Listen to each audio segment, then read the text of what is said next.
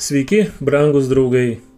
Su jumis Valdemaras ir podkastas 5 minutės. Netinkama meilė.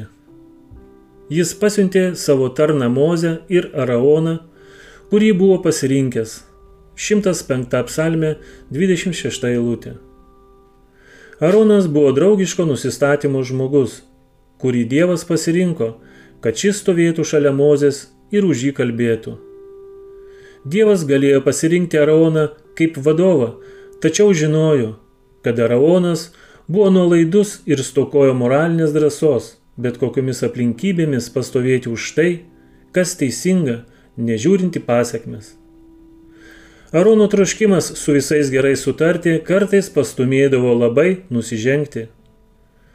Tuo paties tvirtumo trūkumas jo šeimoje galiausiai privedė prie jo dviejų sūnų mirties. Nadabas ir Abihuvas nepaisė Dievo paliepimo su smilkalais aukoti šventą ugnį. Čia yra matoma drausmės trūkumo pasiekmė. Šie Arono sūnus nebuvo išmokyti gerbti savo tėvo paliepimų. Jie nepaisė tėvo autoriteto, todėl nesuprato ir būtinybės visiškai paklusti Dievo reikalavimams.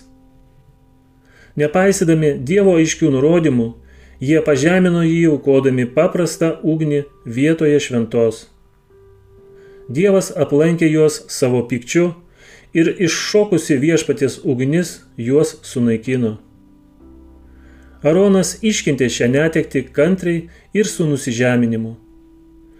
Liūdėsys ir kankinanti agonija draskė jo sielą.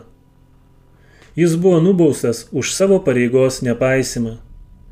Jis buvo vyriausias kunigas, paskirtas vykdyti suderinimą už žmonių nuodėmės. Jis buvo ir savo namų kunigas, tačiau buvo linkęs nepastebėti savo vaikų kvailyščių.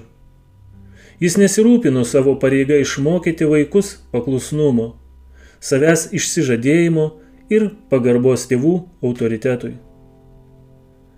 Ne, netinkamai pataikaudamas savo jausmams, Jis nesugebėjo jų charakterių pripratinti gerbti amžinuosius dalykus.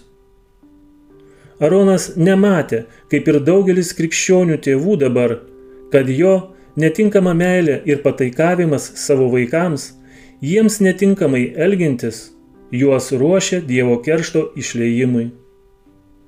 Jo švelnus įkalbinėjimas, be griežto tėviško žodžio ir jo neprotingas meilumas savo sunums buvo pats didžiausias žiaurumas jų atžvilgių. Su jumis buvo Valdemaras ir podkastas 5 minutės.